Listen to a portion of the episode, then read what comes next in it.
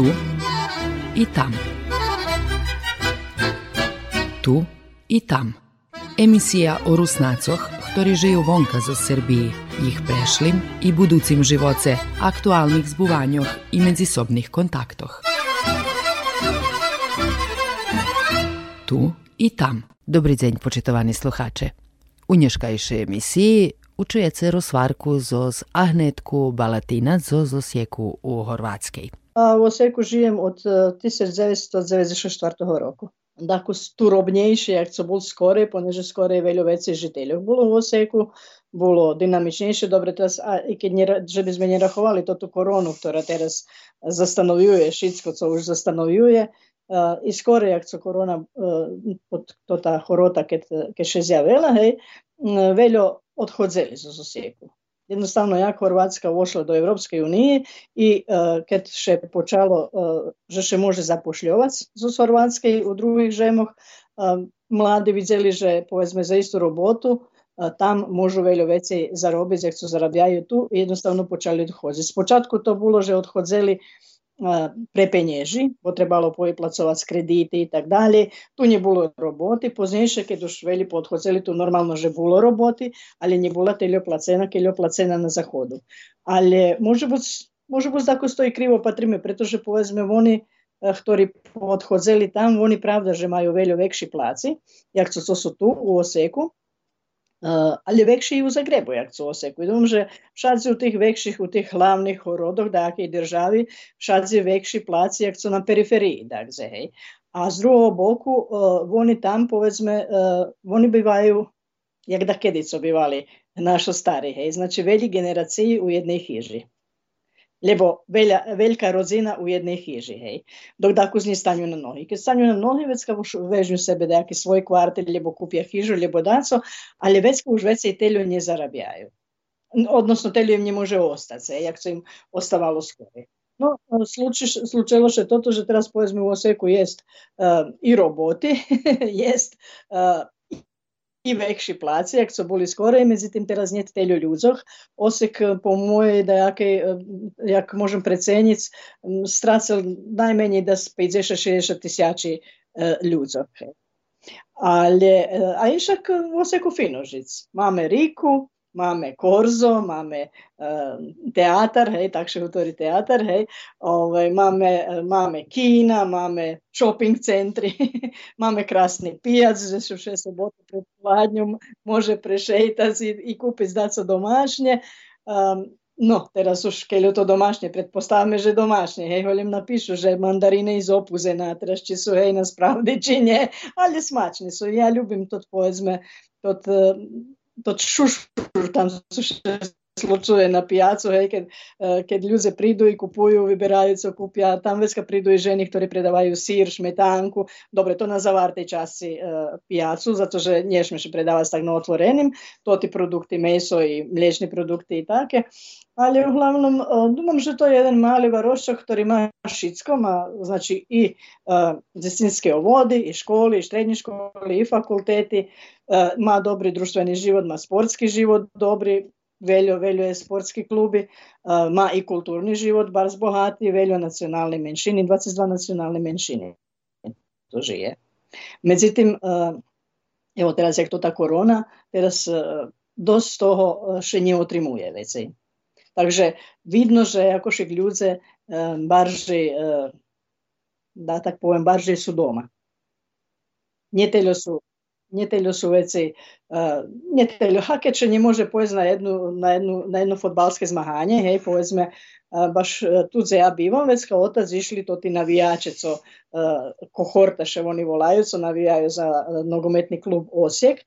Ove, Nie već oni išli so s tima zastavami, špivali to ti svoje špivanki, na, to ti navijački, hej, sa znamensko to, jakošik cali, cali horod nejakýšik spôsob uh, z njima vjedno uh, učestvuje u šitskim tim, hej.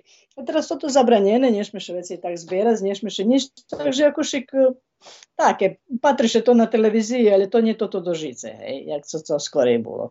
No ali evo, kad biš se še seli preseliť, to še se preseli, za vas povolujem, mi bajce do Oseku, Osek krasni.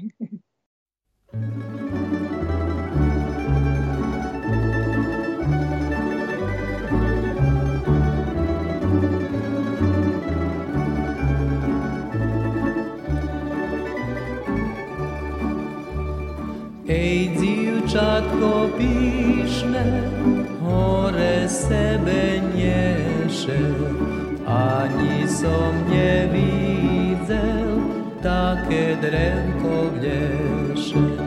Choćby to ty drewka zrubali, mnie by za ce nigda nie dali. To ty drewka zrubali, za nikda nedali.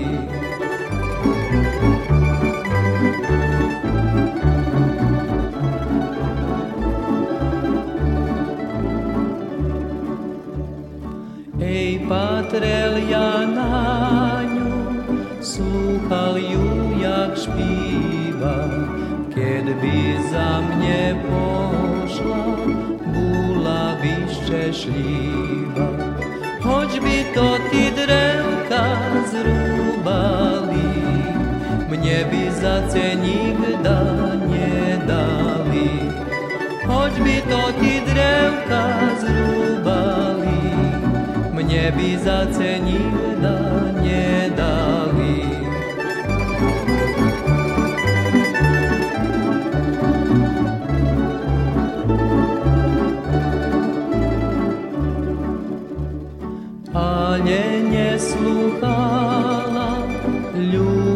Ľúbiť še nedáva, len za Boha čoho, zaňho še odala.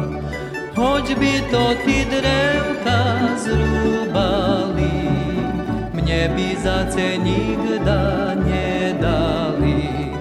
Hoď by to ty drevka zrúbali, mne by za nikda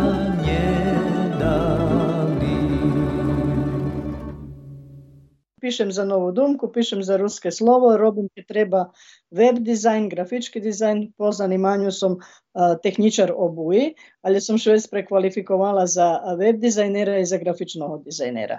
E teraz, keď, so, keď ja zrobila to prekvalifikaciji, tedy uh, povedzme grafični dizajnere mali bar zveljo roboti. I to taki roboti, že uh, všetko še može z domu robiti.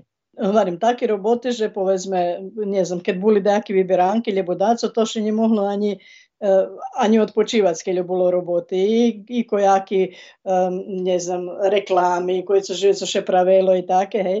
Međutim, teraz to zna robiti každi školjar.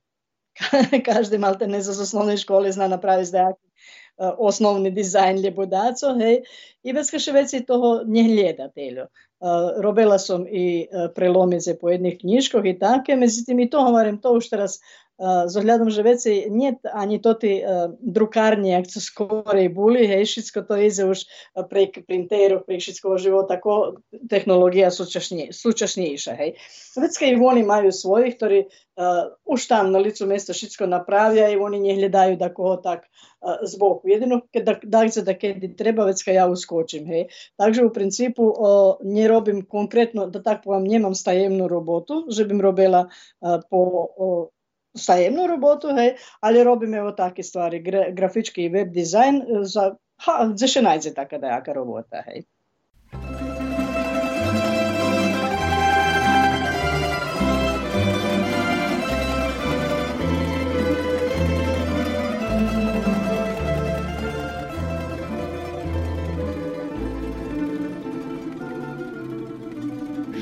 Szedniemy sebe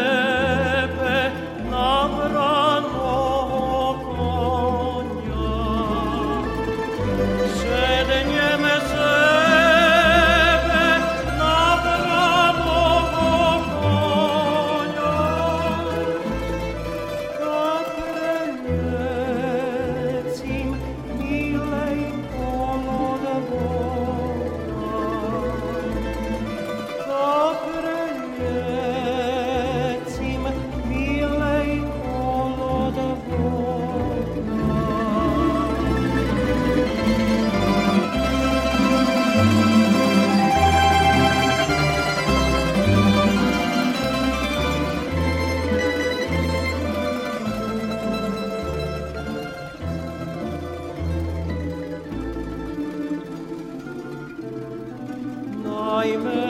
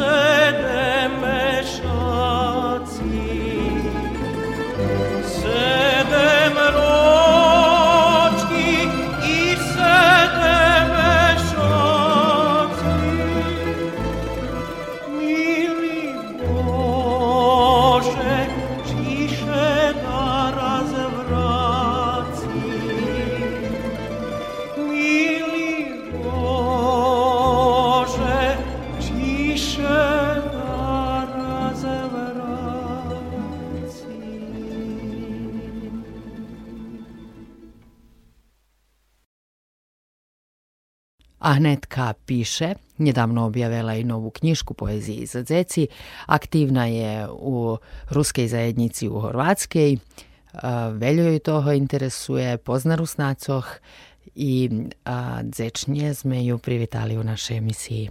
Počela sam išće u pionirske zahradki, davno, davno, to bilo tam 70-ih rokov, hej. O, poneže sam, e, teraz mam 58 roki, znači bar zdavno, hej. Ale e, za samu peršu zbirku som pridala materijali do ruskого slova, jakože neposredno skorej vojne. Vecka prišla vojna, je vecka všetko še toto coška potracelo, to tie materiály še veci nie našli, takže vecka dlhší jeden čas trebalo, dok som znova a, daco pozbierala, napisala i tak dalje. Takže u stvarnosti perša, musím ju patrati, baš točno perša, zbirka poezije vyšla mi 2008 roku. bardzo, bardzo późno, hej. I, i ja może być nie neki taki produktivni pисатель, który by każdy, każdy rok objawił taką książkę i tak, odnosno muszę powiedzieć, że może bo sam niesystematyczna, nie poskładam to. to teraz sam sobie utorela, że od, teraz jak piszę, tak budem printać i budem składać. Hej. Ta vecka, kiedy treba, vecka oni utore, ajde, masz da co, daj da objavime. Hej, ja vecka, povem, ha nemam, perše mušim pozberat. Vecka, dok to pozberam, a tak sebe budem skladać, da budem mas porihtane. Ali uglavnom, každý 3 lebo 5 roki objavim daco. to wszystko porządnie, pretože wszystko idzie prek internetu, wszystko idzie, wszystko eh, się pisze na komputer, hej, ehm, um, wszystko się posilam prek mailu, nic więcej nie idzie papierowe, uh, wszystkie to ti, uh, eh, to ti dajaki ilustraciji lebo vinjeti to uglavnom ja gledala prek internetu, ktorí nemajú uh, zaštitu autorsku, hej, ktorí sa môžu pohasnovať, E, Žalj mi, že, e, že sme nevžali da ko kto bi to ilustroval, pretože dúmam, že e, zažljem maljunki veljo, veljo ljepši, jak so, jak so povezme take če najde, ne znam. Za pojedni ne možem, a ža ni ja tu pisala o lamački kukurici, ma to već je objavio da jako sliku za zlamačke kukurice, da no vam to e, već nigdje ne postoji. Šitsko še robi i to ti kombajni, šitsko to, to su postoji teraz na Švece, hej. Jedvec je to ta klasična lamačka kukurice, že bi še vizelo tako da jako sliku.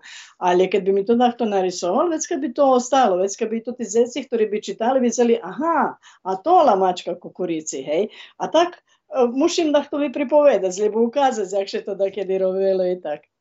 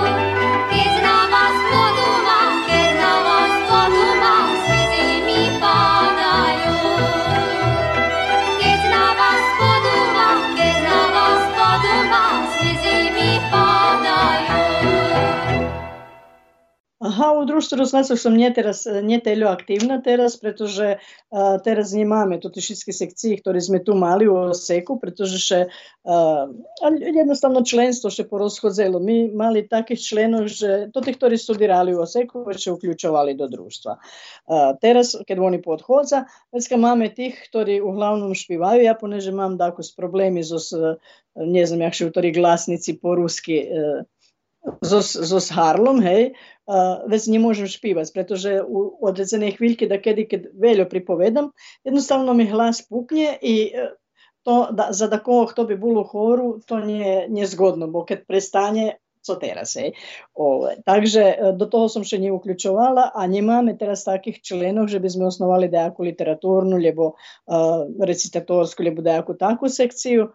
Takže ja uh, u društve i aktivno sam tak u smislu, že keď treba dati zrobiť dajaku uh, povolanku, dajaki, dajaku plakatu, lebo konferencu napisati, lebo také daco, već kad to zrobim ja, hej.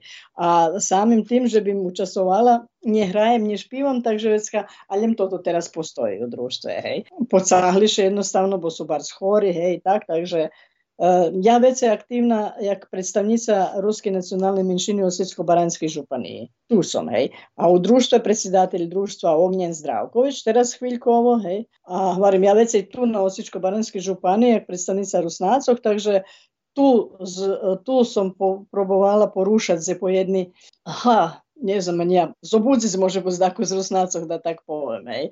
E teraz, keď to ta korona prišla, uh, jednostavno to stanulo. Ja počala a, a, mušim baš teraz točno žas, že bym znala a, po popisu, hej, a, 136 Rusnacov na području Osječko-Baranjske županije, ali len 90, ani 100 nemáme tých, o stvari 76 soška, ktorí hlasajú, hej, tí ešte pre mladí. A, takže, ale mne ceši toto, že oni upisani, že sú Rusnáci. Hej. I teraz, keď budú keď znova še bude popisovať žiteľstvo idúceho roku, či bude, či nie, ešte uvidíme, da, dom, že by trebalo u nás še popisovať, ne znam, či to i u vás bude.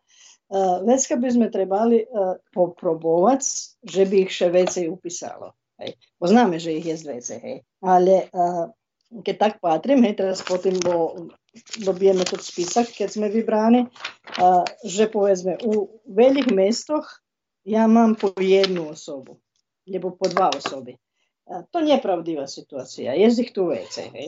Vecka ja počala uh, prešloho roku, 2019 som počala uh, obichodziť to tie mesta i každomu durkaz na zveri. I hovorím, baš tak, sme bešedovali skore, tako som še čusovala, jak od uh, Jehovini svjedoci, keď chodia okolo, bo ja vžala zo sobu novu dumku i venčik i podurkam na zveri, oni utorjat koje, a ja ne znam co da povem, co da im povem. A hnetka bo latinac, oni poveza, ne treba ništa, hej, ljem sam še bala, že da to pove, hvala, ne treba, hej, bulo. Jeden, tak, kad me videl pres, toto, pres oko, hej, že, že coška nošim, Hvari hvala, ne treba ništa, rekao, ali ja nič ne predavam, rekao, ja ljem prišla še predstaviti, že kto som i co som, hej, i rekao, evo da vam dam to ti našo vidanja, bo o, slučuje se, že še jednostavno ne čita dost to ti našo časopise, hej. Ja rozumiem, že povedzme teraz e, ešte všetko taká situácia, že uh, uh, toto našo písmo dáko nepopulárne, hej. Ale uh, думам, že keď ľudia dosť inteligentní, že vecke ne trebaju uh, na taký spôsob toto patriť, hej. Znači, uh, uh, varim, no teraz naj ne uhozim do toho, predvsem je popularne, znamo mi šitski, hej, ali s drugog boku eh, uh, ne možem razumjeti, že dahto može dumac, že eh, uh, prepismo človek treba od ruci so svoje. Ja razumijem, že poezme dzeci, njiškajših, ktorí ne uča uh, eh, azbuku u, u osnovnoj školi, že im to češće zvladac. Ali ne razumijem, že im nie češko zvladac japonske pismo, a češko im zvládať z ruské, hej.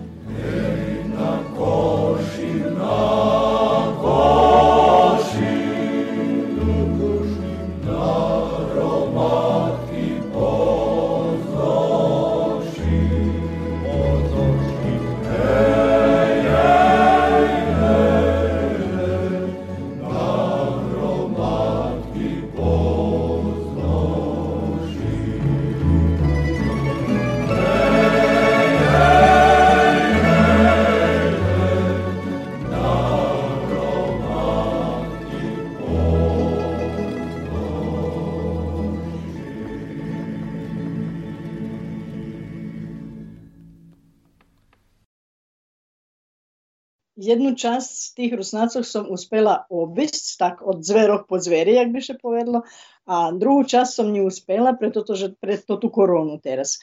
Až ani tušenie usudzujem poseku, co bym teraz mohla poseku ich povedzme po obih odzicej, pretože uh, teraz nie możecie beszydować z ludźmi na taki sposób i kto wam będzie wierzyć i powie, ma to nieważne, co mi teraz przychodzisz, nie daj Boże, da się da to za... Da, co takie. I także teraz czekam, a mala są dobry, сотрудництво и со Звашима у Vojvodini, odnosno za Zavodom za kulturu vojvođanskih rusnacov, tiž tak i s ruskim slovom, a, a i s predsjedateljom Vešnog odboru Nacionalnog sovitu sam poradzela za po jedni stvari. E teraz sam predsjedatelj Nacionalnog sovitu, on poneže bolo Novim Sadze, ja bola u Keresture, već kad sme nje bešedovali o tim, ali ja sme planovali, že bude še vozic bešeda, međutim, slučajlo se, že to bilo maltene baš skori lockdownu, kad sam bila u Keresure. Ja bula, potem, potem možemo za zootizem, ljubo keljo, všetko še zavarilo i već se še nije moglo hoditi. Takže to všetko teraz stanulo, ali to ti projekti, smo sme vyplanovali, e, Željko Kovač i ja, kež išće budzeme na tih funkcijah, ja verim že kad prezi to ta korona, že nastavime to.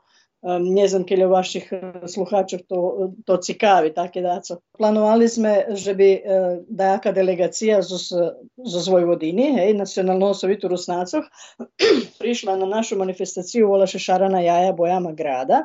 To u Oseku še otrimovalo, teraz je korona to še otrimuje sobotu skoraj kvitne i njezelji. I tam še već vikla daju eh, rižni roboti, ktori robija združenja, hej, jak napríklad vaša bajka zo Skerestúraco, hej, i tak povedzme tot typ združenja, hej, kulturno-umetničke društvo i nacionalne menšine vykladaju jedla nacionalnih menšinoh, ali e, ja se ladem, že bi e, prišli vašo, že bi videli, že jak je to i že vecka bi sme može biti idući rok mogli da koho povolaci od njih, že bi učestvovali na tej manifestaciji. Bo ja jak predstavnice u Osučko-Baranjskoj županiji mam, e, evo, to tu možljivo, že bi mi povolala. Hej.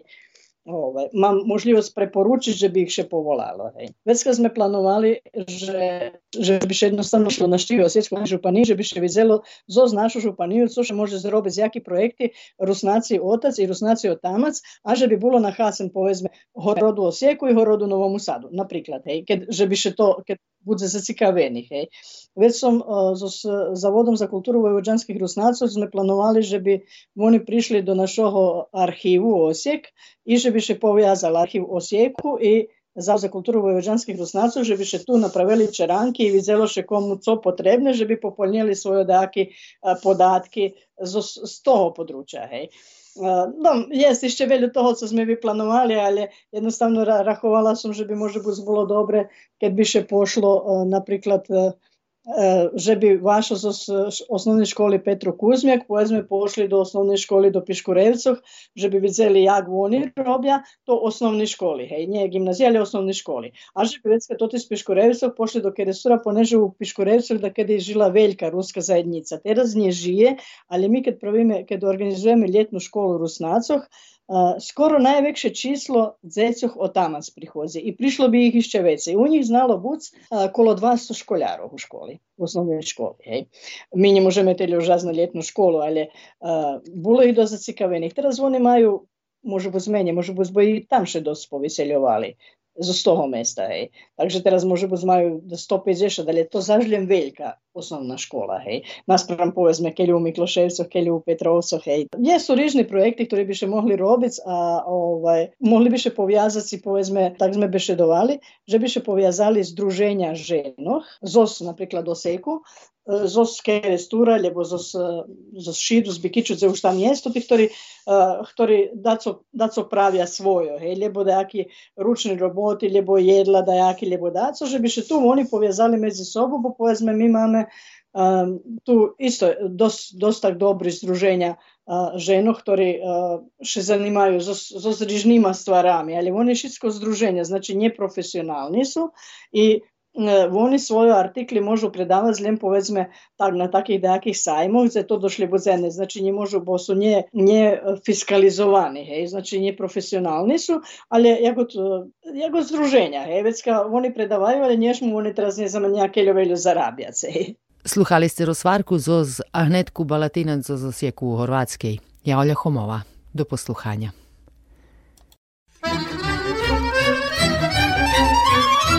Tu i tam. Tu i tam. Emisija o Rusnacoh, ktorí žijú vonka zo Srbiji, ich prešlim i buducim živoce, aktualnih zbuvanjoh i medzisobnih kontaktoh. Tu i tam. Dobri deň, počitovaní sluhače. U nješkajšej emisiji učujete rozvarku zo z Ahnetku Balatina zo Zosjeku u Horvatski.